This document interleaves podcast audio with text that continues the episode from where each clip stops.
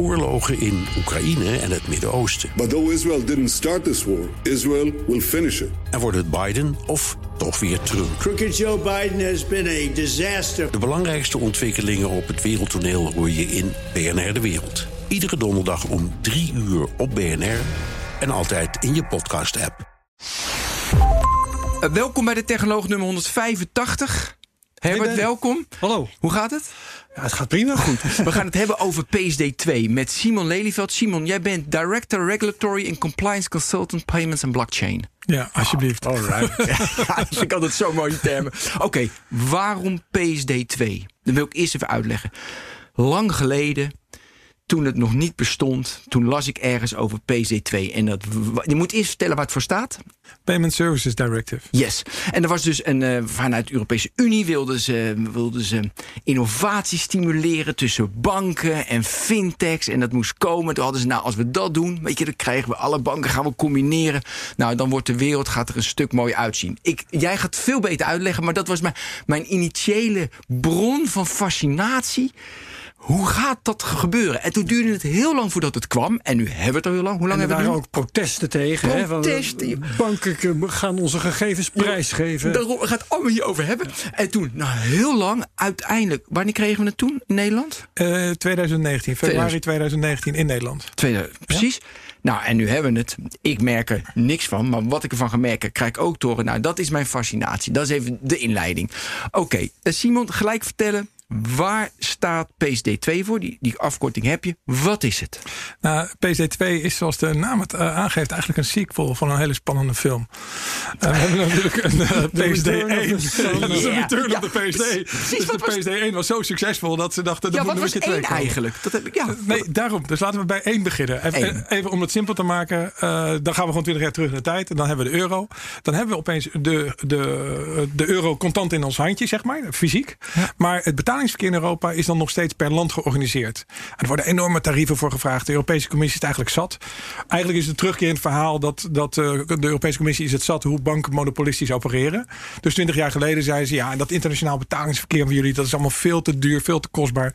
Pas boom, jullie moeten voortaan binnenland, buitenland betalingsverkeer moet even goedkoop zijn. Nou, dat is top, toch? Goeie, goeie, goeie deal. En de banken hadden ook van, ja, weet je, als je een beetje moreel nadenkt, logisch dat. Nou, dat, dat is weer een verhaal apart. Maar in ieder geval, het was wel duidelijk dat het daar naartoe moest gaan. Maar, maar voor de en, consument, de burger, long overdue. Hè? Nou ja, dat. Die hoge tarieven. Nou, die hoge tarieven zeker. Ja, dat was duidelijk een soort kartelspel. Want er waren al best ja. slimme oplossingen tien jaar daarvoor. Maar die zijn allemaal weggeduwd door de banken. Want zolang je nog goed kan verdienen aan het internationaal betalingsverkeer, blijf je dat even doen, zeg maar. Ja. Hè? Ja. Nou, daar, daar stonk de commissie niet in. Die sloeg met de vuist op tafel, gelijke tarieven. Welk jaar? Welk jaar? 2000, uh, 2000 om precies. 2000. Ja, 2000. Toen de euro rond die euro. En vervolgens kreeg je een hele discussie van, maar hoe ga je in hemelsnaam al die, al die uh, verschillende technieken uit al die landen aan elkaar knopen? Dus je krijgt een technisch project van hoe ga je die standaard maken? Ja. En de banken dachten ook, nou weet je wat, we, gaan, we hebben de Europese Commissie tuk, zeggen maar dan moeten jullie ook het juridisch raamwerk harmoniseren. Al die uh, regels in Europa. Dus ze dachten zo van, nou dat lukt ze nooit. Dus dan, dan zijn we nog weer verder. Maar dat is het eerste waar ze op zaten te wachten in Brussel. Want de, de grap is, in Brussel is de dynamiek als volgt. Brussel wil graag de macht. En als dan uh, een grote groep internationale banken zegt er moet Europese regelgeving komen, dan zegt Brussel: goed idee. De grote banken staan achter ons en dan pakken ze die bevoegdheid zo uit die lidstaten naar Europa toe. En dan kan Brussel in die regelgeving opschrijven wat ze altijd al wilden. En wat ze wilden was trouwens op het allerlaatste werd er in die PSD1 werd er gezegd: nou, dus je moet in de PSD1 staat uh, er komt uh, betalingsverkeer uniform in Europa, ja. althans dat is de, de, de onderliggende aanname. En er staat eigenlijk als je betalingsverkeer doet, moet je netjes gereguleerd zijn. Dus of je nou uh, een, een geldtransactiekantoor bent dat geld over de wereld slingert, of een bank of een alternatieve provider. Het was namelijk soort de, de audiëns van de wereld. Die waren een soort alternatieve providers, geen banken. Die bestonden toen ook al? Die bestonden toen al. Dus dat werd duidelijk dat die een aparte payment institution moesten worden. Ja. Dus de business line betalingsverkeer werd gedefinieerd. Er werd consumentenbescherming gedefinieerd. Uh, en er uh, uh, consumentenbescherming in de contractvoorwaardensfeer. En het laatste deel, daar stond je mag niet valuteren. Dus je mag niet even centjes ah. pakken van het ja. vasthouden van dingen. Oh, uh, je moet heel snel moet je overboeken.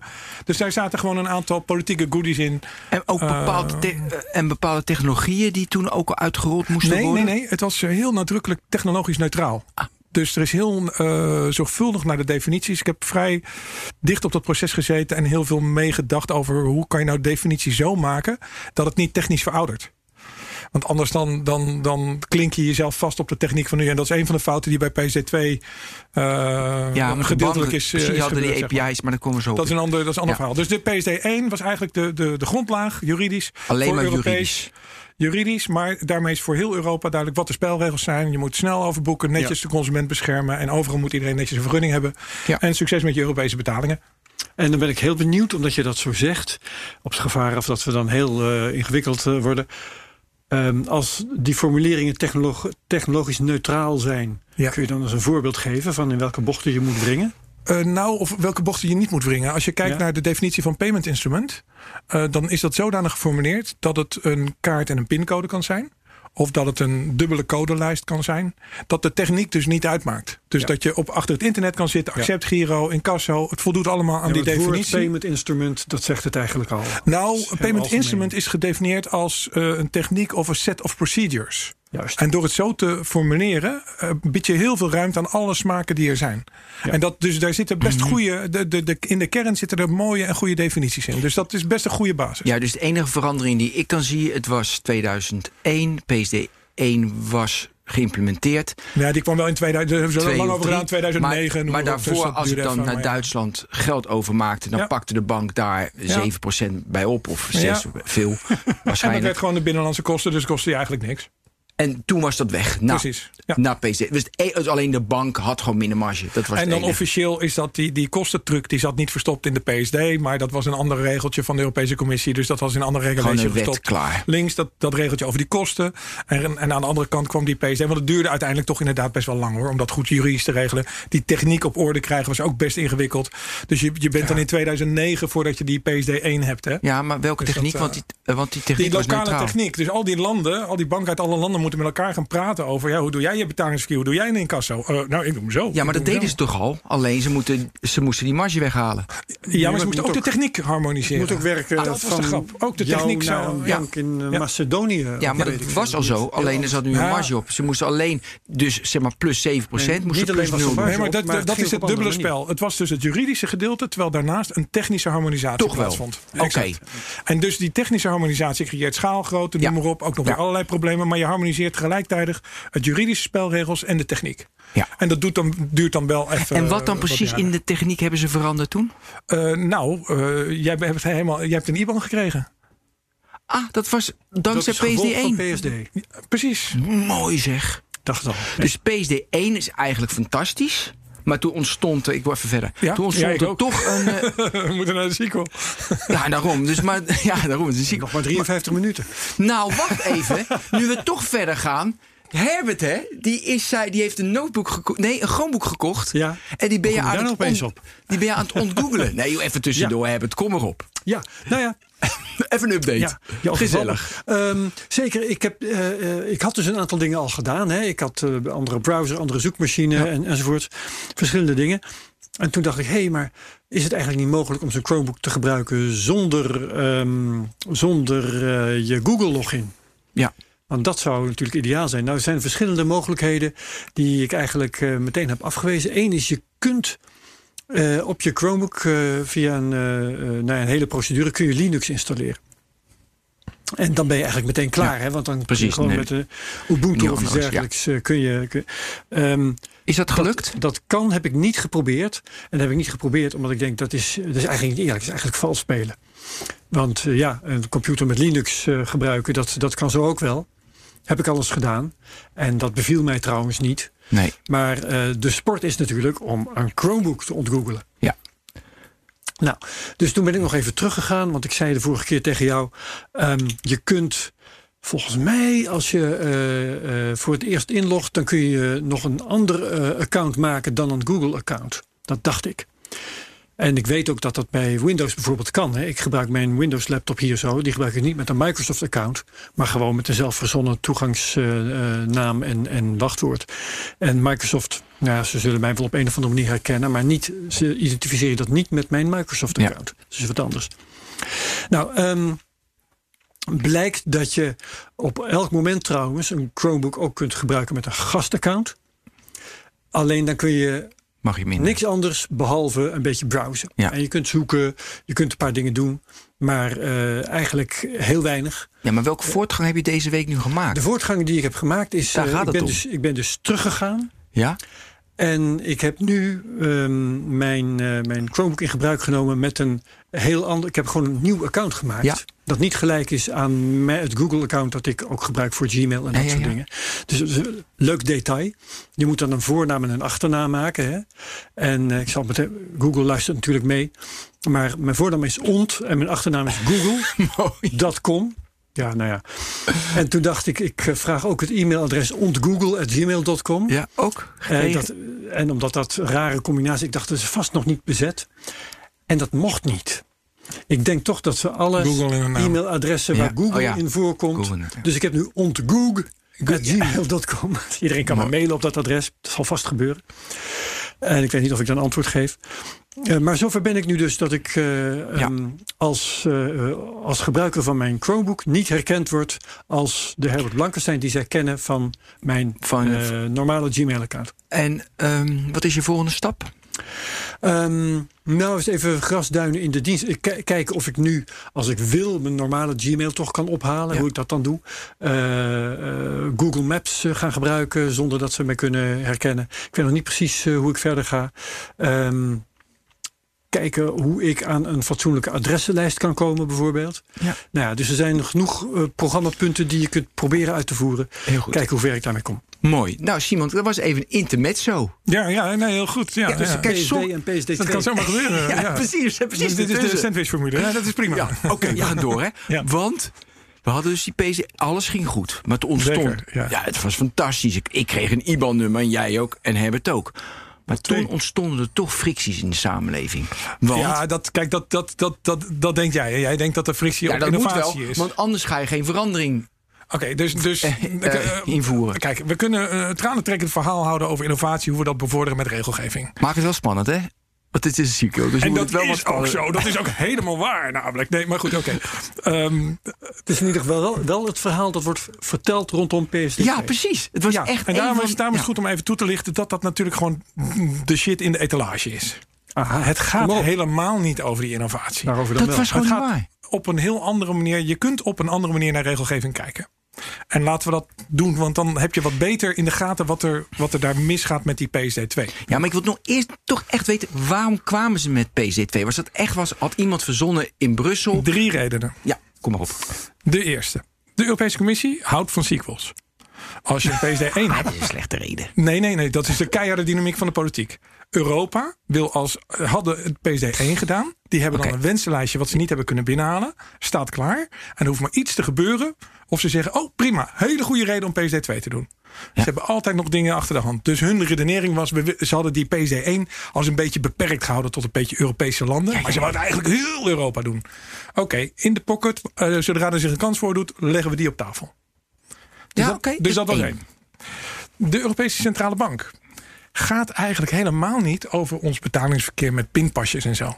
Die gaan, dat, dat is voor de lokale centrale banken en de toezichthouders. Daar heeft de Europese Centrale Bank geen bal mee te maken. Code kort, eh, eh, Kees de Kort neem ik, neem ik kwalijk, zegt altijd... ze hebben maar één taak, dat is de inflatie. Exact. Ja.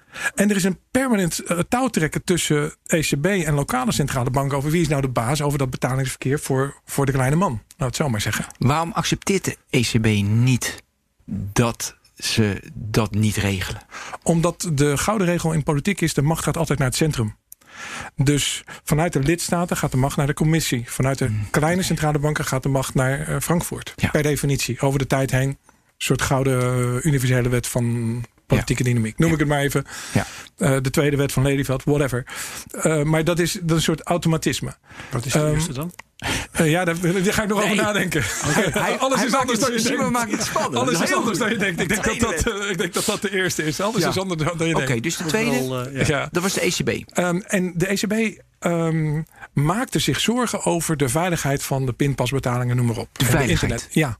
Gaan ze niet over, maakten zich wel zorgen over. Ze hebben zo'n hele ingewikkelde truc. Hebben ze alle, alle toezichthouders bij elkaar geroepen, gezegd: we maken ons zorgen.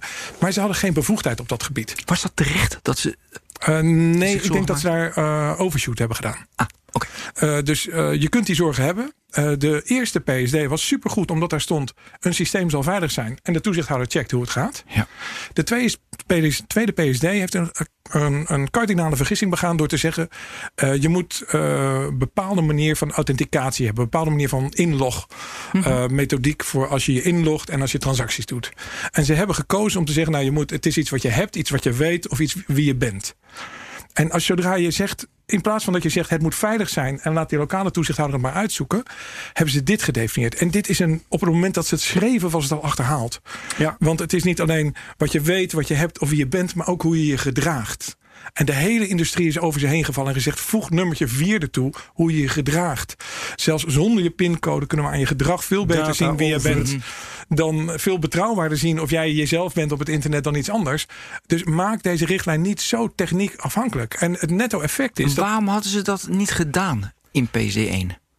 eh, in PSD1 is gewoon heel simpel gezegd: het moet veilig zijn. En laat die toezichthouders maar definiëren hoe veilig het is. Ja, maar want die vierde regel hebben ze niet toegevoegd. In de net. PSD2 hebben ze dat niet gedaan. In de PSD2 is dus een uitwerking van een beveiligingseis gekomen die onnodig gedetailleerd is.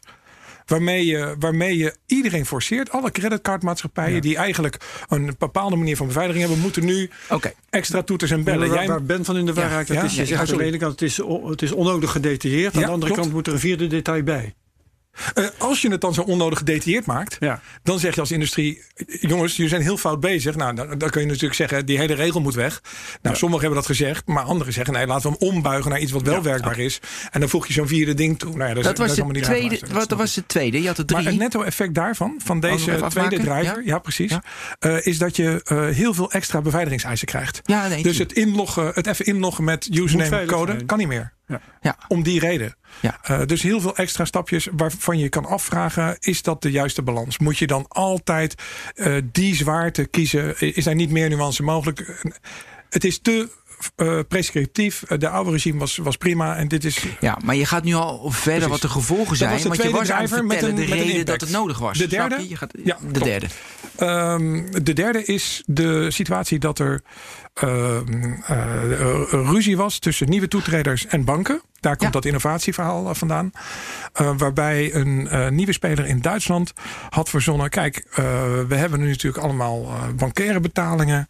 Ehm, we hebben creditcards, maar ik kan eigenlijk eh, veel goedkoper dan creditcardbetalingen. Kan ik, als ik nou gewoon namens iemand anders inlog op zijn bankrekening, kan ik gewoon eigenlijk via een achterdeurtje een heel goedkope webbetaling doen. Die veel goedkoper is dan een creditcardbetaling. Dus die ging naar winkeliers toe en zei: Wil jij in plaats van een eh 3% creditcardbetaling eh, voor veel minder even een eh, gewone bankoverboeking? Er is maar één nadeel. Die, die partij die dat doet, die moet eventjes aan degene om wie het gaat zijn pincode vragen en zijn inlogcode. Ja, dus Ja. zeiden de banken, dat gaan we niet doen. Want zodra iemand dat doet, dan moeten, moeten we die codes intrekken. Dus dat, dat kan beveiligingstechnisch niet. Waarop deze partij naar de commissie gaat en zegt... ja, verdorie, ze geven me geen toegang tot de markt. Ik wil zonder dat ik... Want, want ik moet nou een contract met ze sluiten... en het moet veilig en ik moet er nog voor gaan betalen ook. Dus die zeiden, ja, Welke wij partij worden... was dat? Zofort. Zo. Zofort was die, eh, was die partij. Eh, dus die is een klacht gaan indienen tegen het kartel van de banken. Dan kun je twee dingen doen. Dan kun je zeggen, ik los de klacht op met een rechtszaak. Wat eigenlijk de beste situatie is. Want dan heb je een concrete klacht, concrete case en dan los je het op. En dan komt er weer zo'n eh, Brusselse dynamiek bij. Zeg, nee, weet je hoe we het oplossen? Dit ene probleem lossen we op door te zeggen: we gaan het iedereen in Europa mogelijk maken. Dus, dus ze beloofden aan Zofort. Zofort trok namelijk op een gegeven moment die klacht in. Hop, klacht weg. En voor de banksector, hop, ook klacht weg. En wat was de grote verdwijntruc? Waarom is deze competitieklacht niet netjes afgehandeld voor het Hof van Justitie? Omdat de, de ambtenaren van Brussel gezegd hadden. ehm, Oké jongens, eh strijdbel begraven, we doen het zo. Wij zetten in die nieuwe PSD2 zetten we de regel dat het voor derde partijen mogelijk moet zijn om in te breken op de account van een klant. Ook als de bank het niet goed vindt.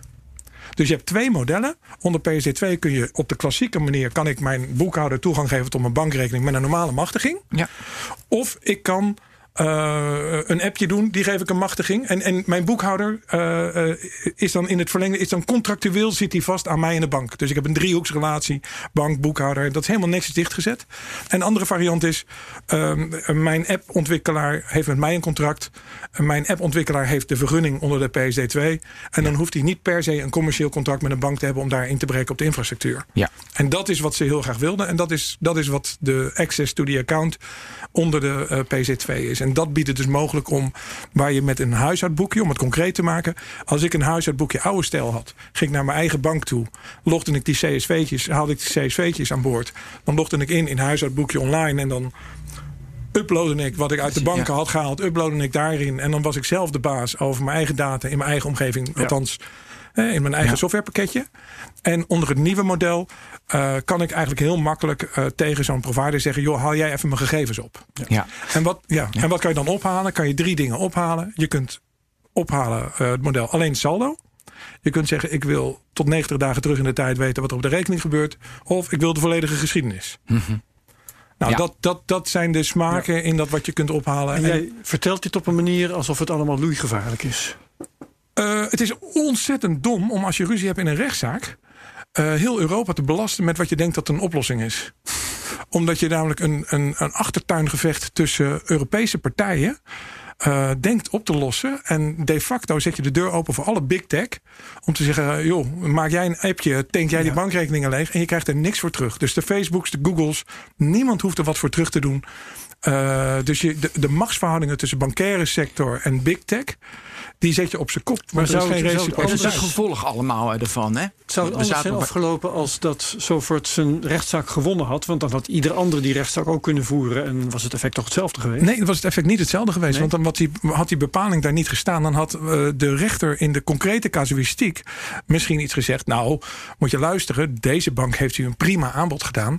Wij veroordelen niet deze bank omdat ze onheuse voorwaarden hebben gedaan. Maar deze bank heeft onheuse voorwaarden gedaan. En die krijgt straf van mij. Dus dan had er een casuïstisch, een, een, een uh, concrete oplossing geweest voor dat probleem van die entiteit. En dan zei ze, ja, dat kan niet. We kunnen niet met alle 8000 banken van uh, Duitsland een contract sluiten en allemaal van dat soort discussies. Maar, ja.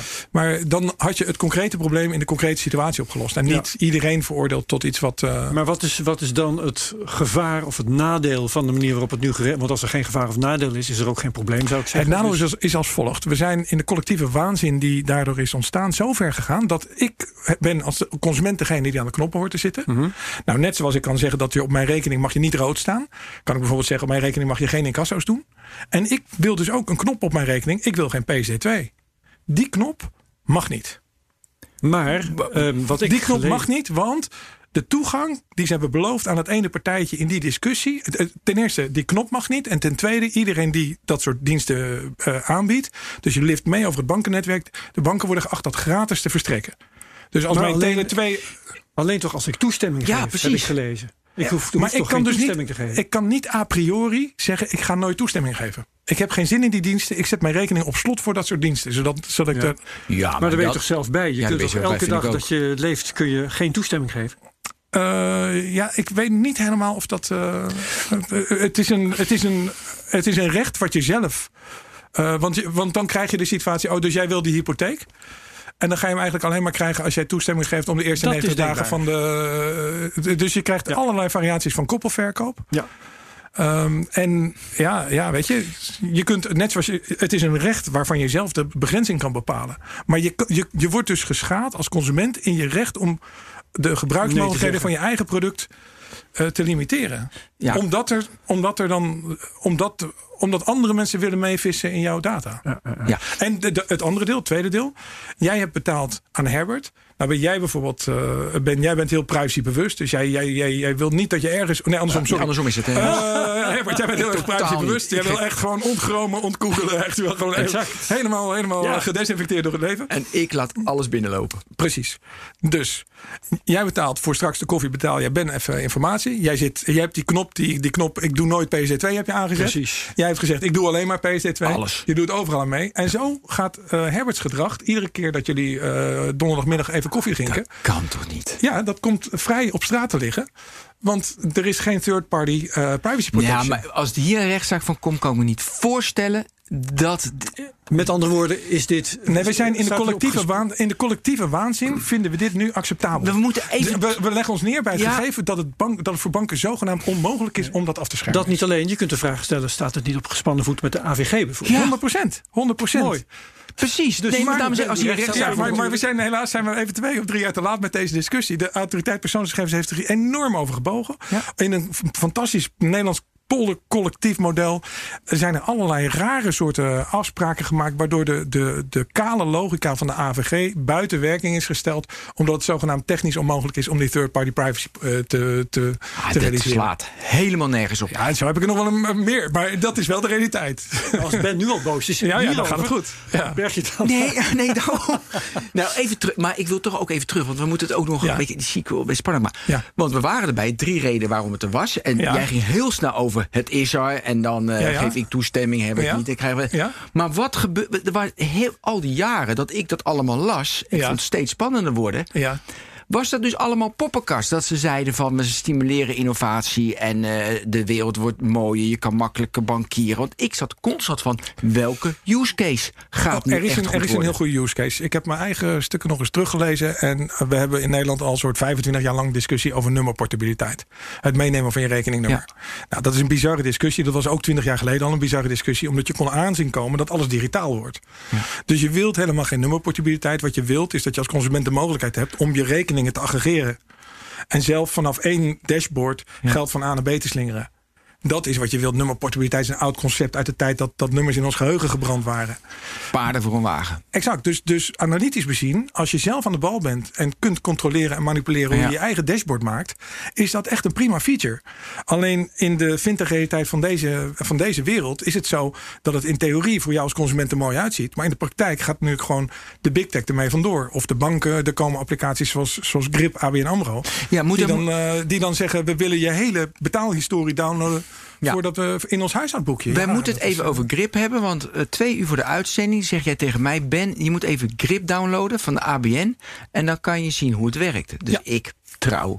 Ik eh, download grip natuurlijk. En eh, ik heb al mijn gegevens ingevuld. Dus ik heb mijn KNAP-rekening en mijn ING-rekening en mijn Rabank-rekening... nu allemaal bij de ABN staan. Ja, ik twijfel echt of dat verstandig is. Want nu heeft ABN al die gegevens. En ze kunnen dus al mijn, al mijn bankrekeningnummers... kan de ABN nu ook Je analyseren voor alles mee doen. technoloog. Wat? Je waagt je hele leven voor de technoloog. Ja, dus ik vind het echt heel slecht advies, heel slecht advies, Simon, van je. Nou, de reden dat ik het, Nee, ik heb eh, het niet gedaan. het jou, hoor. ik eh, zag ja, ja. dat, ik denk, ga ik echt niet doen. Nou, de reden dat ik het jou wil laten zien is ook omdat het raakt aan privacy. Bij privacy gaat het erom dat je in vrijwilligheid toestemming geeft. En je moet geen koppelverkoop hebben. Dus geen Windows met Explorer erbovenop. Het, je moet gewoon alleen Windows kunnen doen als je dat wil. Nou, dus als ik nou Grip naar de Rabobank koppel, wat ik, eh, wat ik zelf ging doen, dan zegt hij eerst: wil je eh, Grip je saldo geven? Dan zeg ik, nou, dat, vind ik goed. Wil je Grip inzage geven in de afgelopen 90 dagen? Dan zeg ik, vind ik ook goed. Wil je Grip alles laten downloaden wat er in je transactiehistorie te vinden is? Tuurlijk, joh. Nee, dan zeg ik nee, liever niet. En dan zegt hij, oh helaas, sorry, nou kan ik je niet helpen. Echt waar? Dat is wat er gebeurt. Dus je krijgt een koppelverkoop... waardoor het gebruik van grip gekoppeld is... aan het volledig overleggen van al je data. Maar het is echt schandalig dat dit niet algemene bekend is, niet vaak in de media Nou, verschijnt. Privacy First die, die, die slaat de trom met een PSD2 maar niet register. Die willen die knop. Die, hebben, die zeggen we willen een PSD2 maar niet register. Zodat er de wetgeving wordt aangepast. Zodat de logica van de AVG. Namelijk ik wil a priori niet meedoen aan die onzin. Ja. En ik wil ook die Ja, third party zei. privacy wil ik niet. Dat, dat daar wat mee Hey, hoe staat wordt. Big Tech hierin? Ehm, Ja, die willen dat natuurlijk allemaal, maar hoe wordt het tegengehouden? Wat zijn de ontwikkelingen daar, daarin? Ehm, nou, het, eh, je zou kunnen zeggen dat het bewustzijn eh, dat, je, dat we wat veel ruimte hebben weggegeven aan die big tech is, is een beetje aan het komen. In Duitsland hebben ze een, eh, de invoering van een bepaalde wet gebruikt om Apple te verplichten haar NFC-chip te openen, zodat ook anderen die kunnen gebruiken. Dat is nu, de Europese Commissie heeft daar nu, dat- er is een zaak nu op dit ja, moment de- dus spelen. er komt nu veel meer op de radar dat, dat de Europese Commissie ziet hoe ziet eigenlijk er is een soort van tot inkeer gekomen van ja, weet je, we, we leggen het nu allemaal wel heel erg voor grabs voor iedereen die het weg wil pakken. En we moeten wat beter kijken naar de rol van big tech spelers en hoe ook hun structuren open gaan. Want dit is die hele PSD2 redenering is eigenlijk een beetje vergelijkbaar met, eh, met je telefonie. Ik heb een lijntje van KPN, maar als ik wil kan Tele2 eroverheen. Nou, dan betaalt Tele2 wat aan KPN en dan heb ik een Tele2-dienst. Nou, prima. Dus dat is eigenlijk niet zo heel spannend. Alleen de manier waarop we dat in die bankaire sector hebben gedaan, is het is verplicht. De banken moeten het gratis aanleveren. Ja. Eh, daar zitten allemaal dingen. De, de Nederlandse competitieautoriteit zegt ook. De logica van toegang over netwerken van derden dicteert dat die banken er eigenlijk gewoon netjes voor betaald worden. Want als je dat niet doet, moeten ze hun geld op een andere manier terughalen. En dat zijn ze aan het doen. En omdat ze dat aan het doen zijn, zie je nu opeens overal boekhoudpakketjes met een PSD2-vergunning. Ja, Ehm, even, ik moet toch dan weer terug. Ja? Want ik weet nog, dat las ik in de krant. Of was het, toen ging in de banken en toen was ik tegen. Eh, dacht ik van, nou, stom weer van de bank. Want toen was ik nog pro-PC2. Nu ben ik natuurlijk hartstikke anti. Als ik dit allemaal zo hoor. Ja, ik was het al, maar goed. Ah, Eh. Dat ze die API's, deze allemaal moeilijk. Die API's wilden tegenhouden, de bank. Want ze waren natuurlijk bang voor de fintechs. en Ze waren bang voor big tech. Hoe zat dat precies? Wat hielden ze tegen? Dat is uiteindelijk niet gelukt. Want het is er, weet jij dat nog? Nou, een beetje de, de grote vraag. Als je nou dicteert dat, eh, dat je toegang tot de infrastructuur van derden biedt. Dan is de grote vraag, laat je dat, in welke mate laat je dat over aan de markt? In Engeland hebben ze een soort open banking gedaan. Dan hebben ze de regie genomen over een gemeenschappelijke standaard. Wie is ze? Eh, de overheid en het bedrijfsleven samen, zeg maar. Die, Ja? daar, daar is een soort Commissie. eh, model uitgekomen waarin iedereen een soort dezelfde basic standaard gebruikt. Maar in het Europese domein riepen dus ook alle marktpartijen van komen de, komen de Europese standaarden. Het antwoord nee, dat laten we aan de markt over.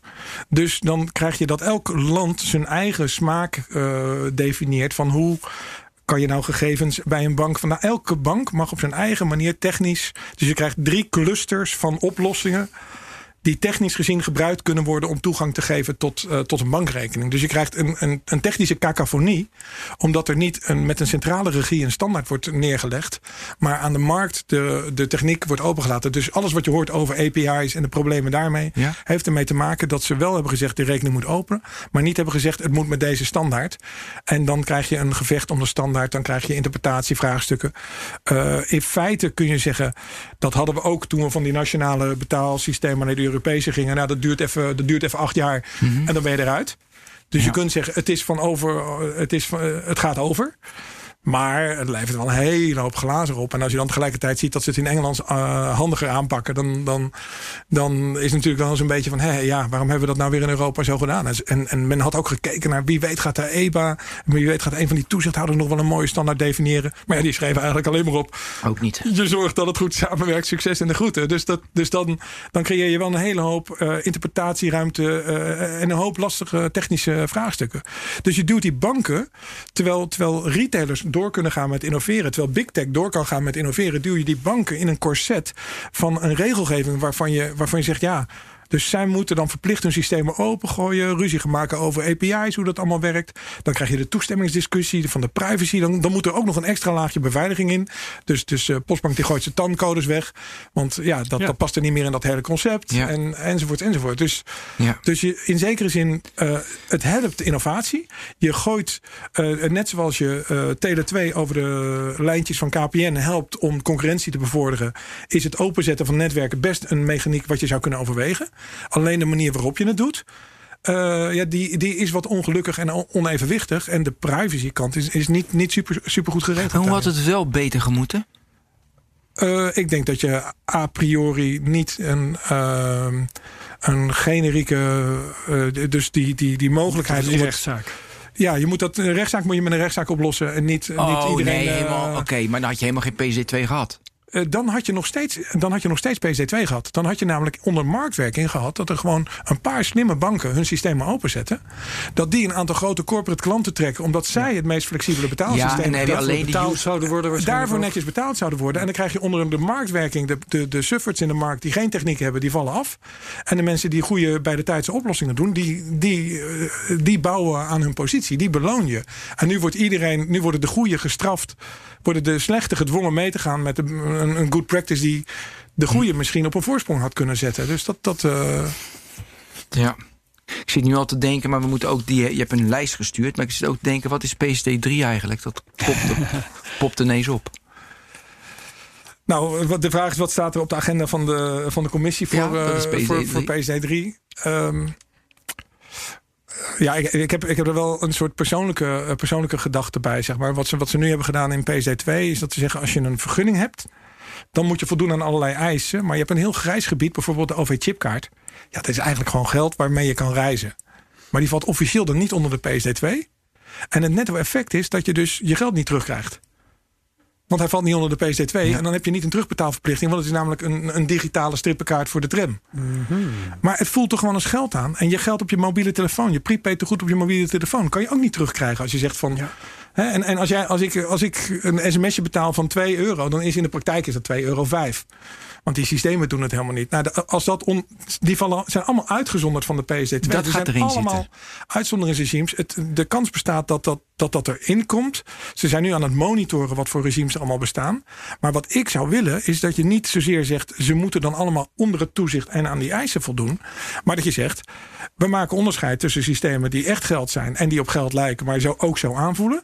En voor alles wat voelt als betalingsverkeer en geld... gelden de volgende basiscontractvoorwaarden. Los van de vraag of je vergunning hebt. Dan maakt het dus niet uit of je een strippenkaart hebt, een dit of een dat, of een prepaid kaartje voor een eh, winkelcentrum. Voor al die dingen gelden dezelfde basic spelregels. En als je dan in het echte bankierspel betalingsverkeer zit, dan krijg je de extended set, moet je vergunning halen en dergelijke. Ja. Maar nu krijg je daar een heel, ja, een heel nou ja, een boeiende. Ja. En kan dat er later met PSD3 opgeschroefd worden? Deze split. Ja. Ja, die kun je heel makkelijk maken, omdat je dan eh, in de hoofdstukken een bepaalde toepassing van een hoofdstuk doet. Dus de- in mijn beleving zou je, dat, zou je dat moeten doen. Maar goed, Dat, ja, het is eh, niet zo dat de hele markt daar intussen van overtuigd is. In het geheel niet. Nee, Nee. nee. Als je mij vraagt eh, wat, eh, wat, eh, wat heel, heel belangrijk, omdat de, eh, de techniek gaat zo snel. Het gaat erom dat je, dat je verplaatst in de consument. De consument heeft iets wat voelt als betalingsverkeer. Ja. En het zal toch een bied interesseren of iets een limited network onder artikel 3K is van de PSD2.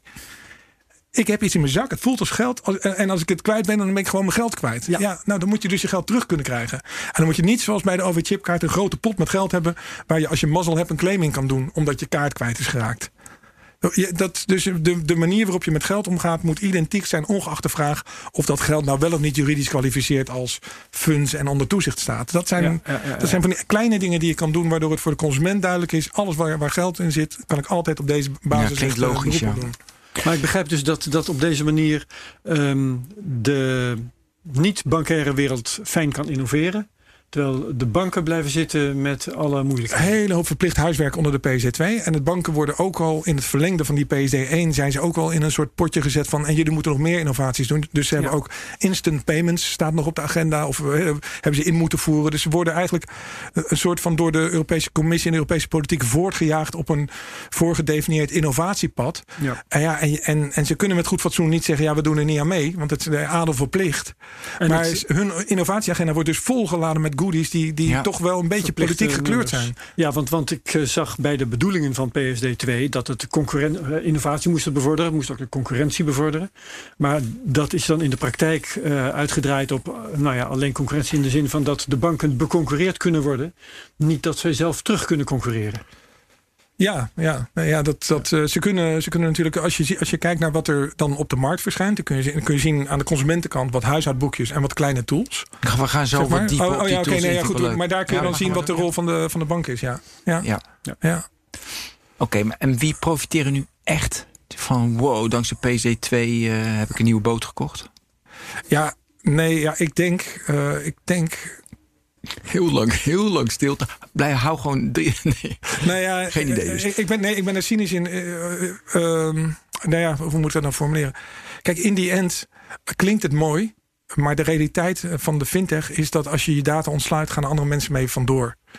En in de realiteit heb je dus eh, eh, hele ingewikkelde toelichtingen nu van de toezichthouder die zegt: Als ik aan jou heb gezegd dat jij mijn data mag, en, en ik geef aan jou toestemming om het aan die te geven, dan mag dus mijn hele pot data ook nog naar die gast. Ja, dat, hebben we, dat, is, dat is Nee, nee, maar AVG. letterlijk. Maar, Ja, maar, maar dat is eh, vervelend.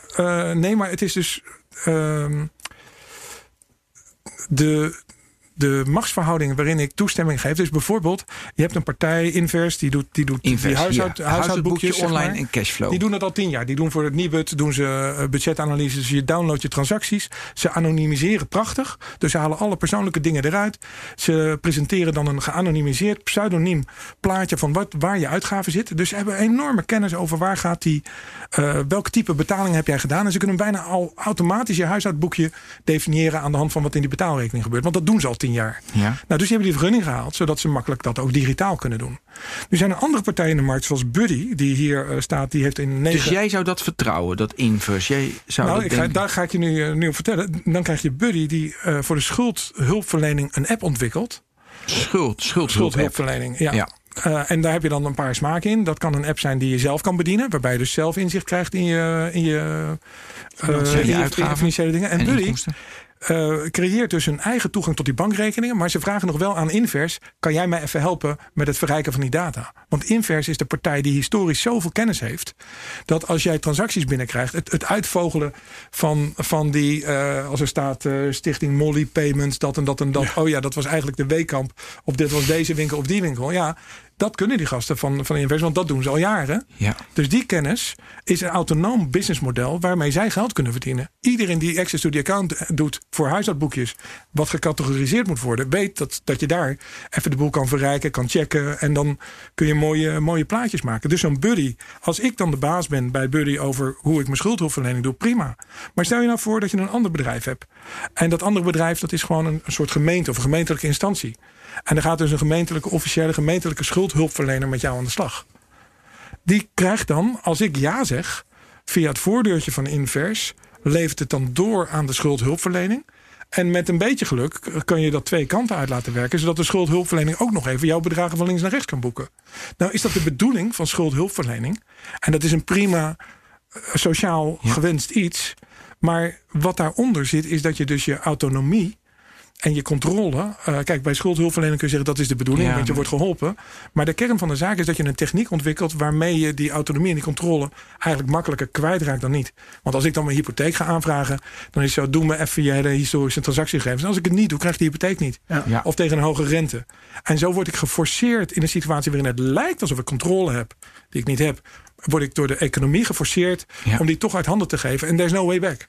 Ja, en Buddy in dit geval, die heeft, voor, die, bedoel, die heeft voordeel. Die verdient daarop. Of Ik weet niet wat hun businessmodel precies is. En ik ken de precieze Nee, eh, maar- techniek ook niet. Maar dit is een, een, Maar je ligt dit wel tool, mooi uit, maar. ja. Hey, en bijvoorbeeld, eh, even kijken, want kijk, ik vind Twinfield bijvoorbeeld staat erbij. Boekhoud- dat is een hele makkelijke, prettige, daar heb je toch geld voor over, toch? De boekhoudprogramma. Ja. Of zitten daar ook nadelen aan? Ja? Nou ja, dat is, dat is leuk dat ik ze niet kan verzinnen. Dat vind ik zo mooi dat je Nee, dat nou ja, goed. Maar eh, als, je, voor. als je kijkt naar Twinfield en Exact. Ja. Dan zie je twee hele grote spelers met boekhoudprogramma's. Ja. Simpel geformuleerd, die hebben de PSD2 niet nodig, juridisch gezien. Zij mogen al, als ik hun een, eh, een mandaat geef, mogen zij al kijken op mijn bankrekening en transacties uitvoeren. Daar heb je de PSD2 niet nodig. Maar waarom hebben ze dan die vergunning? Ja, Hoe kan dat nou? nou vertel maar. Omdat banken dat willen. Banken die zeggen, ik heb hier mijn oude legacy systemen. Jij zit erin. Nou, nou zeggen deze gasten, mooi dat je naar een API-model gaat. Eh, wij blijven doen wat we doen. Nee, zeggen de banken. In ons nieuwe API-model mag je alleen instappen als je een vergunning hebt. Nou, dan kunnen zij wel aankomen wapperen met... maar de Nederlandse bank zegt dat ik hem niet nodig heb en mijn advocaat ook. Dan zegt de bank, ja, maar wij hebben ons nieuw beleid. En ons nieuw beleid is dat een API alleen Nee, ze toegankelijk moeten is dat voor- beleid, toch? Eh, dus de Nee. banken? Nee, dat hoeft Oh, helemaal niet. Dat is gewoon een vrijwillige keuze om te zeggen... we forceren al die gasten Ja, op, eh, om via een, de PSD2 te gaan. ja, als zij willen, ze bouwen hun legacy systeem af. Ja. Ah, dat vind ik En dan zeg je, je moet naar de API. Maar die vergunning is helemaal niet nodig. Het is een, het is een onterechte eis van de bank. Want je kan met een private contractstructuur precies hetzelfde doen. En daar heb je dus een marktwerkingsprobleem. En daarom zie je hier allemaal boekhoudpakketjes staan. Omdat iedereen in die boekhoudwereld die gebruik wil maken van de API van banken. Die moeten. Precies. Dus dan roep ik hoera, innovatie. Maar dan zeg ik misschien, ja, misschien ook wel. Dat was helemaal beetje- niet nodig. Oké, maar dan is het buiten. Want ik zie inderdaad allemaal boekhoud, schuldhulp. Dat vond ik wel een mooi voorbeeld. En voor de rest, ja, alleen maar boek. Oh ja, huishoudboekje, die heb je net verteld. Grootzakelijk. Dus die, die Cobase, dat is een, eh, een vroege partij, de derde in het rijtje. Ehm, als, als jij als grootzakelijke klant gewoon je rekeningmanagement wil doen... en je kunt overal in Europa inprikken op al je, al je zei je. rekeningen... Dat is wel handig. Ja, dan heb je een geniaal case management tool. Dus, dus dat is Ja. natuurlijk een, een super business case. Dat is gewoon... eh, eh, ja, dat, dat, dat, dat gaat heel snel. Ja. Maar je hebt in Engeland toch, want dit is echt heel, in Nederland is echt heel mager. Een beetje boekhoud, een beetje sparen, voor de rest niet. Eh, heb je nog in Engeland Nou, je, hebt, je hebt variaties op een thema. Dus je hebt bijvoorbeeld. ehm, eh, een van de dingen die gebeurt is dat, er, eh, dat dit wordt gebruikt om eh, goedkoper internationaal betalingsverkeer te doen. Ja, Dus te kunnen, Maar die hadden we al bij PSD1, hè, dus dat is niet zo bijzonder. Dat Ehm, moest. Dus gewoon, dat was regelgeving. Heb je me net uitgelegd, ongeveer 25 minuten geleden. Ja, maar je kan nog wat slimmere, eh, slimme dingetjes doen. Als jij als aanbieder in heel Europa allemaal potjes hebt staan. Eh, en je kunt makkelijk heen en weer fietsen tussen de potjes. Dan kun je in plaats van dat je via de valutamarkt eh, valuta's wisselt, kun je op een middenkoers dat doen. Oh, Oké, prima. Je kunt, je kunt zelf een soort pseudo eh, goedkopere bankwisseltruc doen Ja. dan bank eh, ook voor internationaal betalingsverkeer. Dus dat zijn een paar oplossingen die je in die sfeer zit. Dus dat is dan internationaal betalingsverkeer, met name ook, ook waar niet Europa bij zit. Maar dus dat is één, één deel van de oplossingen. Je ziet een partij die zegt: ja, kijk, die, we hebben instant payments. Dus we hebben straks helemaal geen kaarten meer nodig. Er zijn een aantal partijen die zijn aan het inzetten op. eh, we gaan met een eh, QR-code of met een, met een handeling op de point of interest. We gaan gewoon de kaart eruit duwen. Ja. Je kunt gewoon per ogenblikkelijk met een eh SEPA credit transfer betalen. Dat ding is oh, eh, binnen, binnen vijf eh, milliseconden staat hij op die rekening. Waar zouden we die kaart nog voor nodig hebben? Dus een aantal partijen gebruikt deze mogelijkheid om. Eh, dus ik, in plaats van dat ik een. Maar daar heb je toch ook geen PC2 voor nodig, of wel? Eh, jawel, want ik kan, ik kan nu namelijk gewoon een app bouwen. Elke app kan En, ik ga- gewoon een en machtiging elke app kan, kan Ja, de facto je eigen betaalkaart zijn. Je hoeft geen plastic kaartje meer uit te geven om een betaaltransactie te doen. Je vraagt aan de consument: mag ik toestemming om via bankrekening betalen? Je creëert een veilig kanaal tussen jou en de bank om die transactie te kunnen doen. En je kunt een soort virtuele betaalkaart maken die helemaal geen betaalkaart is. Maar feitelijk precies hetzelfde doet. Iedereen kan incasseren. En er zijn partijen die dat hebben Ja, nu. ja, ja. En waarom word ik lid van zo'n betaalbanksysteem? Dat doe je dan weer in een, eh, in een Engelse context, waarin je heel veel van dat soort kaarten eh, misschien gebruikt. Waarin je, dus, dus dat hangt weer. De, Of omdat je wordt verleid met kortingen gewoon. Dat Ja, dat- dus daar kunnen allerlei redenen zijn waarom je daarop, waarom je daarop, Loyalty-kaartachtig, eh, in zou willen stappen, zeg maar. Je hebt ook een van die andere partijen in Nederland, Florijn. Dat is eentje, dat is wel een, een, een interessante die, eh, die zegt voor kleinzakelijke ondernemers, als je snel krediet wil, open even je poortje naar je, naar je zakelijke rekening. Dan kijken ze gewoon naar je cashflow, maak een cashflow-berekening en een risico-inschatting. Zeggen, nou, je kan van mij instant dit krediet krijgen. Dus dat zijn, eh, je hebt een, weer een andere variant waarin je kan zeggen: eh, je opent het poortje ehm, naar allerlei overheidsinstellingen en je verzamelt eigenlijk digitaal allerlei informatie die je nodig hebt. eh, als je dingen moet bewijzen of als je een hypotheek wil aanvragen of complexe processen. Dus er zijn eh, ja, allerlei, allerlei smaakverschillen. Er zit er ook eentje eh, in Engeland die in feite ehm, de, eh, de toegangspoort voor, ehm, eh, volgens mij voor, voor, voor Alipay is. Of een van, die, een van de twee Chinese Ja. payment schemes. Naar aanleiding van die PSD2 eh, eh, registers kwam ik die op het, op het spoor. Die, die creëert een ontvangstmogelijkheid of een betaalmogelijkheid. Waardoor Chinezen uit China in Europa gewoon eh, kunnen betalen. zeg maar. Dus zo, zo zie je eh, ja, op verschillende modellen eh, zie je eh, dingen bewegen eigenlijk. Ja. Ja, ik zie, eh, je hebt een, heeft een hele lijst voor ons gemaakt. Even snel gekeken. Er zijn er geloof ik 14. Vier daarvan zijn voor op consumenten gericht. Tien op eh, de zakelijke markt. Is dat inderdaad ongeveer de verhouding? Of is dat toevallig? eh? Nou ja, die zakelijke markt is een beetje eh, verkleurd doordat die boekhoudtruc erin zit, die er eigenlijk niet in hoort te zitten. En dan, dan wordt het in zekere zin wel mager. Dan heb je een soort een consumentenbespaar-app. Een app die, die dan bijhoudt van... Hé, hey, je, zit, eh, je zit nu bij, bij deze gasbedrijf. Maar bij die andere kan je met jouw eh, patroon... kan je waarschijnlijk goedkoper. Of, eh, en dan kan je nog intelligente dingen doen. Als heel veel mensen in zo'n app zitten... dan kan je zien... hey, er is een andere gebruiker... die heeft hetzelfde patroon als jij... maar die doet het zo en dat is even, even wat goedkoper. Dus je kunt daar allemaal bespaartrucken verzinnen ehm, eh, waarin je gewaarschuwd wordt. Of je kunt zeggen van nou, de spaarrente is daar nu hoger. Het is nu handig als je, nou ja, het, dat is een oud voorbeeld, maar hij is daar het minst negatief, zeg maar. Dan kun je, je kan het beste je geld nu daar laten verbranden, zeg maar. minst Dat is negatieve dan een rente is beetje op de minst IJsland. negatieve rente. Ja, ja nou, geef het toch maar uit dan. Ja, ook goed voor Ja, de jij lacht erom, maar het is echt niet leuk hoor. Nee, ja, weet je, soms moet je er. eh, Ja, oké. Ik ben het met je eens. Ik ben het ik ben heel erg met je eens zelfs. Hey, die, eh, kun je iets vertellen over gemak versus security? Want vaak hoe gemakkelijker iets is, dat gaat altijd ten koste weet je, wel, eh, van veiligheid. Nou ja, in, die, in die hele discussie over eh, hoe veilig het moet, eh, is dus de, slaat de PZ2 eh, meer naar veiligheid dan naar gemak. Eh, dat leverde zo'n groot probleem op dat een aantal van die eisen ook vertraagd zijn. Tot en met september 2019 en zelfs tot en met eind van dit jaar hebben sommige partijen in sommige landen nog een overgangstermijn. En dat is met name bedoeld om voor de. ehm, eh, ik, ik denk met, met name een beetje de, een aantal web En creditcardbetalingen zitten gewoon net even eh, qua businessmodel anders, anders in elkaar. En, en nou ja, goed. De, er is gewoon wat ruimte gekozen zodat ze langzamer aan die eisen moeten voldoen. Maar in die end moet je gewoon aan strengere eisen voldoen. Dus, dus daar is En wat voor keuze- specifieke veiligheidseisen hadden ze? Nou, eh, simpel. Dus ik kon bij Beknap altijd gewoon inloggen met mijn code, eh, username, code. Oh, en dan moet moet ik nu moet ik mijn app gebruiken. Ja, Ja, daar word ik gek van. Het is niet zo heel spannend wat er gebeurt eh, in, in mijn beleving. En ik, ik kan me ook de andere redenering wel voorstellen. Maar als je dan eh, die beveiligingseisen zo specifiek hebt gemaakt. Mhm. Ja. Kijk, als je nou gewoon weet dat ik elke dinsdagavond tussen 8 en 9 zit te internetbankieren. En ik ga op dat moment met mijn code inloggen. Waarom zou je dan nog van mij willen Ja, mijn gedrag, telefoon uit mijn zak, eh, mijn Ja. telefoon uit mijn zak haal om te wijzen dat ik het ben? En terwijl ik van een fixed IP-adres eh, al jarenlang bezig ben, dan weet je toch dat ik het ben. En dat, dat, dat die mogelijkheid niet is geboden. Daar heb je de mogelijkheid om gemak te bieden. Waardoor je weet van nou, eh, eh, niks aan de hand. Gebruikerspatroon zo en zo. Ik hoef die veiligheidseisen niet zo hoog te leggen. Of hey, andere IP-adres, raar moment. Eh, nu vraag ik Ja. even wat extra. Nou, die, die eh, fijnmazigheid. daarvan mag je hopen dat de toezichthouder op lokale niveaus die biedt.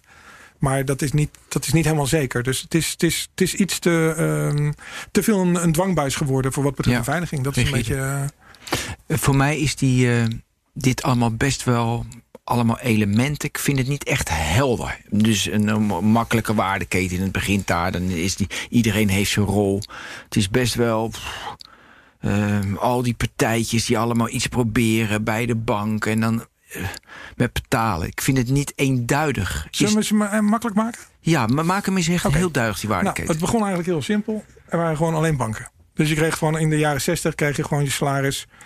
eh, laten we zeggen dat je hem al giraal kreeg, jaren 70. Je kreeg je eh, salaris giraal, je haalt het eh, cashje op, dat is het. En eigenlijk de enige die qua techniek aan de bal is, is de bank. De bank bepaalt hoe jouw betalingsveer eruit ziet. Qua techniek, een formuliertje, giro betaalkaart, pinpas. Maar geleidelijk aan naarmate de techniek goedkoper wordt, zie je dat er steeds meer partijen tussenkomen. Dus de eerste fase van het pinsysteem is één centrale switch. En KPN doet alle telefoondingen. Ja, dan krijg je concurrentie op de markt. Dan krijg je vijf telefoonmaatschappijen. Dan moet je dat mogelijk maken. Dan komt de concurrentieautoriteit die zegt... ja, die ene centrale switch van banken die alles centraal afrekent... dat is ook niet de bedoeling. niet.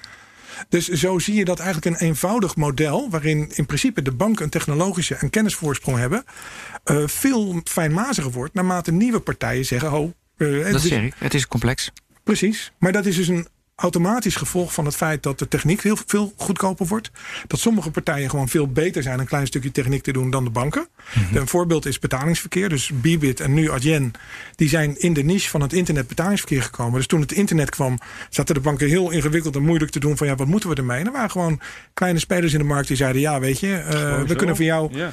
op deze manier je internetkassa regelen. E-mailtje. Eh, ga met je banaan. Ja. Ja, en, en dat eh, precies, PayPal komt op, eh, eh, op, op dat moment. Dus je ziet naarmate de techniek, iedere keer met een nieuwe fase van techniek, krijg je een nieuwe soort speler die eraan toegevoegd wordt. Ja, en dan wordt die kerstboom, die eigenlijk heel simpel was, de ene klant hier, de andere klant daar, een bankje ertussen. Ja, dat wordt een, echt een hele grote kerstboom en een grote, Het was een grote bedrijf. sterrennetwerk en het wordt nu gewoon een. eh, Ja, maar netwerk. het wordt namelijk uiteindelijk te complex, snap je? Het is heel erg belangrijk dat, dat, je, dat je iets ook eenduidig houdt en simpel houdt. Want anders krijg je allemaal spelers die een rolletje hebben. En dan moet je inderdaad met PSD2, dan moet je toegang geven. Dus het is vaak wel handig om, om wat overzicht te houden. En het valt me op in deze wereld. Daar vind ik me ook boeiend, omdat ik, omdat ik denk van wow, wat gebeurt er allemaal? Dan zie ik, zie ik veel complexiteit. Dat was eigenlijk. Ja, dat snap nou ik. maar dat voor is jou maar- natuurlijk niet, maar voor mij wel. Nee, maar als ik het omdraai, want ik denk dat je onterecht dat, dat vindt. Want uh, uh, ik vind de telecommarkt wat je, vind ik totaal niet complex. Misschien omdat ik eruit kom, maar dat vind ik niet complex. Maar, nee, maar het is een, voor een gedeelte is een discussie. Ik, ik heb een Peugeot 406. Nou, super makkelijk. Dan kan je gewoon nog zelf uit elkaar halen en in elkaar zetten. En dan weet je nog steeds of je het doet. En dan hoop je dat dan. En anyhow. Maar het is een bepaalde techniek van een bepaald moment, zeg maar. Ja. Maar de auto van dit moment is super ingewikkeld. Ik snap echt niet wat die doet. Uh, wat die computers en die chips doet. Het zit allemaal aan elkaar vast. Ja. Daar zit diezelfde mate van complexiteit in. Maar ik hoef er toch alleen maar mee te rijden. En ik heb een probleem, want dat ding staat vaker stil en ik weet niet wat er is. En ik kan niet de schop geven en dat hij het dan misschien wel ja, gaat doen. Maar het is wel interessant, en dat wil ik dan weten, waar de waardeverschuivingen zitten. Dus de bank hadden de macht. Weet je, die macht Ja. wordt nu afgenomen. Dus Adyen in is al nu die, heel in veel al die de kleine, in al die kleine um, uh, dus in, in feite uh, krijg je veel meer de vraag. wie bewaart het geld en wie transporteert het geld. Je hebt eigenlijk twee hoofdfuncties die in bankieren verstopt zitten. Eén is gewoon, hop, ja, ik bewaar het veilig. En de andere is, ik zorg ervoor dat het snel van A naar B gaat. En dat is eigenlijk een vak apart. En bewaren moet je me even uitleggen. Uh, nou, bewaren is gewoon, jij brengt het geld naar de bank en ik zorg dat nee, het veilig is. Een nummer, dat is een nummer, dus dat is, dat is helemaal geen geld. Zo, zo is het ooit begonnen. Hè? Als, als kleine jongen ging ik nog naar het loket van de bank. Ja, naar de boerenleenbank. Boekje. Met een boekje. Ik ook hoor. Ja, maar is, het, is meer dan, het is meer dan een nummer. Het bewaren Ja. is voldoen aan allerlei regels, spelregels, afspraken... waardoor je eigenlijk best een zeker weet van... nou, dat geld dat staat geramd, dat verdwijnt daar niet.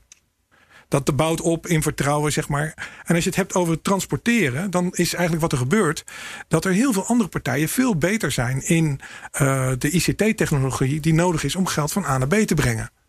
En Herinner de ik me goed, rol van Simon. banken die gaat naar de achtergrond, naar het bewaren. En die nieuwe spelers gaan naar de voorkant... Dat vind ik een mooie om, om waardeverschuiving. even ja. snel eh, dat geld van A naar B te brengen. En, En- banken herinner ik me al- inderdaad als de bewaarders van het geld. En de partij die het, het, het, het transporteren van het geld voor zijn rekening nam, dat was de postgiro. Of is dat historisch niet helemaal... eh, Nou, dat was ook de Bankgiro Centrale. Dus, dus dat, deden dat ook. Oké, goed. Ja, nee, dat, eh, maar. Ja, Ja. ja. Maar dat bewaren toch even. Van, nou, want je ging ja, wat beveiliging, eh, weet je wat beveiliging Ja. enzovoorts. Maar voor mij is het echt alleen maar een nummer. Dus Nee, nee, nee, nee. Dat is super ingewikkeld. Want stel je nu deze situatie voor Ja. dat je verplicht je systeem open moet stellen. Je moet dus je systeem openstellen De voor een willekeurige derde. Die zegt: Ik heb een vergunning, ik mag bij jou naar binnen. Oh ja? En wat gaat die, wat gaat die gast doen? Die die gaat niet even zeg maar een briefje neerleggen in een postbakje in de hoek van de gang. Die gaat muteren op jouw kernsysteem. Dus er gaat een, buiten, er gaat een buitenstaander gaat op je eh, sleutelsystemen Afschrijven. transacties doen alsof die ja, alsof daarom die was die API is. maken natuurlijk met die legacy systemen Daarom bij is die, die banken API-discussie lastig. ook zo ingewikkeld. Juist. Ja, ja, en daarom is het ook belangrijk dat je dat veilig Ja. doet. Maar dan moet je niet tegelijkertijd je positie misbruiken om te zeggen... trouwens, alle boekhouders moeten ook eh, verplicht dan Ja, een ja, ja. halen. Ja. Oké, dus dat bewaren is complex. En dat doen de banken. En dat, dat trans, eh, zeg maar, eh, zeg maar het. Dus het transformeren. Het, Ja, het, het, verplaatsen ja, het, Verplaatsen. opdracht geven, zeg maar, dat kan op allerlei manieren. En door de PSD2 is eigenlijk wat daar gebeurd is... is dat de banken per definitie zijn teruggeduwd in een rol van bewaarder... Die zich ja. open moeten stellen voor Ja. al die anderen. En al die andere partijen kunnen leuke dingetjes aan de voorkant verzinnen. En dan zie je het bankieren...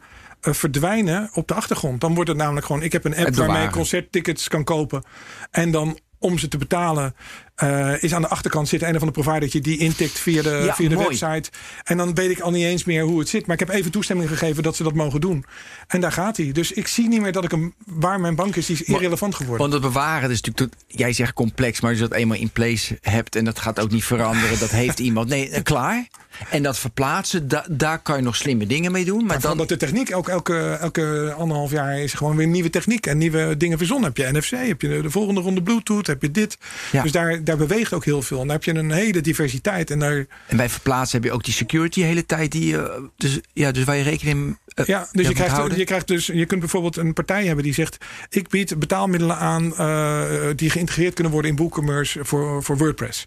Dus je krijgt een hele, hele specifieke, Ja. niche-gerichte betaaloplossingen. die gewoon echt tien, als een bank zou proberen dat aan te bieden, lukt ze nooit. Nee. Dus laat de ICT'ers lekker al die dingen bouwen.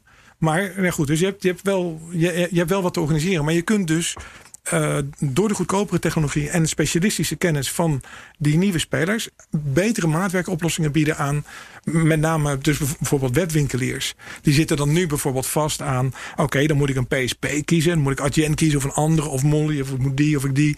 Wie zal ik nou eens kiezen? Nou, je krijgt een hele fase van ontwikkeling waarin spelers komen die zeggen, die gaan daar weer tussenin zitten en zeggen Jij mag je PSP kiezen, je bank kiezen, zeg het maar. Ik regel je hele, ik regel je Ja. hele gedoe. Ik ga tussen jou zitten. Je hoeft je helemaal nergens meer zorgen over te maken. Ga maar lekker verkopen. Zoals nu-. Ik doe de rest. Dus dan, dus dan heb je nog weer iemand die dan voor de agent Ja. zit van de wereld. Omdat hij dan zegt, en als je agent te duur vindt, onderhandel ik wel even naar een andere. En dan tik je die PSP eruit. Eh, en, eh, en dus die bedrijven staan nu op. Dat is wat er nu aan het, eh, wat de mogelijkheden die zich nu Heb je een naam? aanbieden. Of? Want ik heb er nog nooit Ehm, van gehoord. van Volgens mij, je zou eens een keertje met payout kunnen praten. Payout. Payout. Ik eens van gehoord, ja. Van naam alleen hoor. Ja, nou zou ze eh, vragen hoe hun businessmodel is. Er zit, er zit nog één dingetje in die, in die PSD2 bijvoorbeeld, hadden ze ook gezegd. Er was één sluiproute in die PSD1. Als ik zei, ik ben jouw agent. Ik mag namens jou geld ontvangen. Dus eh, bol.com die voor een boekhandel zeg maar eh, gelden incasseert. Ehm, dat was een route die niet onder PSD1 viel. Maar er ging heel veel geld ging eigenlijk naar al die boekhandeltjes. En eigenlijk was bol.com gewoon ook een soort PSP. Ja. Waar ook een betaaldienst aanbieden voor al die winkels. Ja. Dus wat ze met PSD2 hebben gedaan, is gezegd: ja, ho eens even. Iedereen die in die sfeer van marktplaatsen dingen aan het doen is, moet ook even een vergunning halen. Dus een deel van wat je met PSD2 ziet gebeuren, is partijen opstaan die die marktplaatsoplossingen aanbieden. En dat. Dat model, dus de, de platformeconomie, marktplaatsen en daarin het betalingsverkeer organiseren, is ook een hele. Eh, via een andere hoek van de PSD2 is dat een hele business eh, zeg maar, aan het worden. Heeft eh, PSD2 nou per saldo de innovatie bevorderd? Mooie slotvraag, Herbert. Ja, ik zou zeggen. ehm, Jawel, ik heb Per definitie zou ik Ja. eigenlijk zeggen. De, de, Dat vind de, ik ook. de, de, er zijn, je kunt heel veel. die anders niet geweest zou zijn, hè? Nee, dan zou ik geneigd zijn om te zeggen dat, eh, dat het tot een ongezondere innovatie leidt. Ja. Nee, Want de innovatie moet de wel verkeerde richting. Dus als Nee, die er niet is was, dan had je een marktgedreven innovatie. Als die er wel is, is die iets meer overheidsgestuurd en, en minder. Er zitten er wat eh, onvolkomenheden met die privacy. De- de- Nee, dat kan niet. Dat, dat, eh, die, dat moet veranderen. Wat moeten we daar trouwens aan doen? Hoe kunnen we dat nu veranderen? Privacy first eh, steunen bij hun oproepen voor het PSD2-minuut-register. Oké. Eh, nou, bedankt. Graag gedaan. Ja, ik heb genoten. Ook? Herbert, dankjewel. Ja, nou graag gedaan, Ben. Eh, dit was Dankjewel. PSD2 met Simon Lelyveld. En dit was Technoloog 185. En we zijn er volgende week weer met een nieuwe Technoloog. En geniet ervan. En een fijne week. En tot ziens.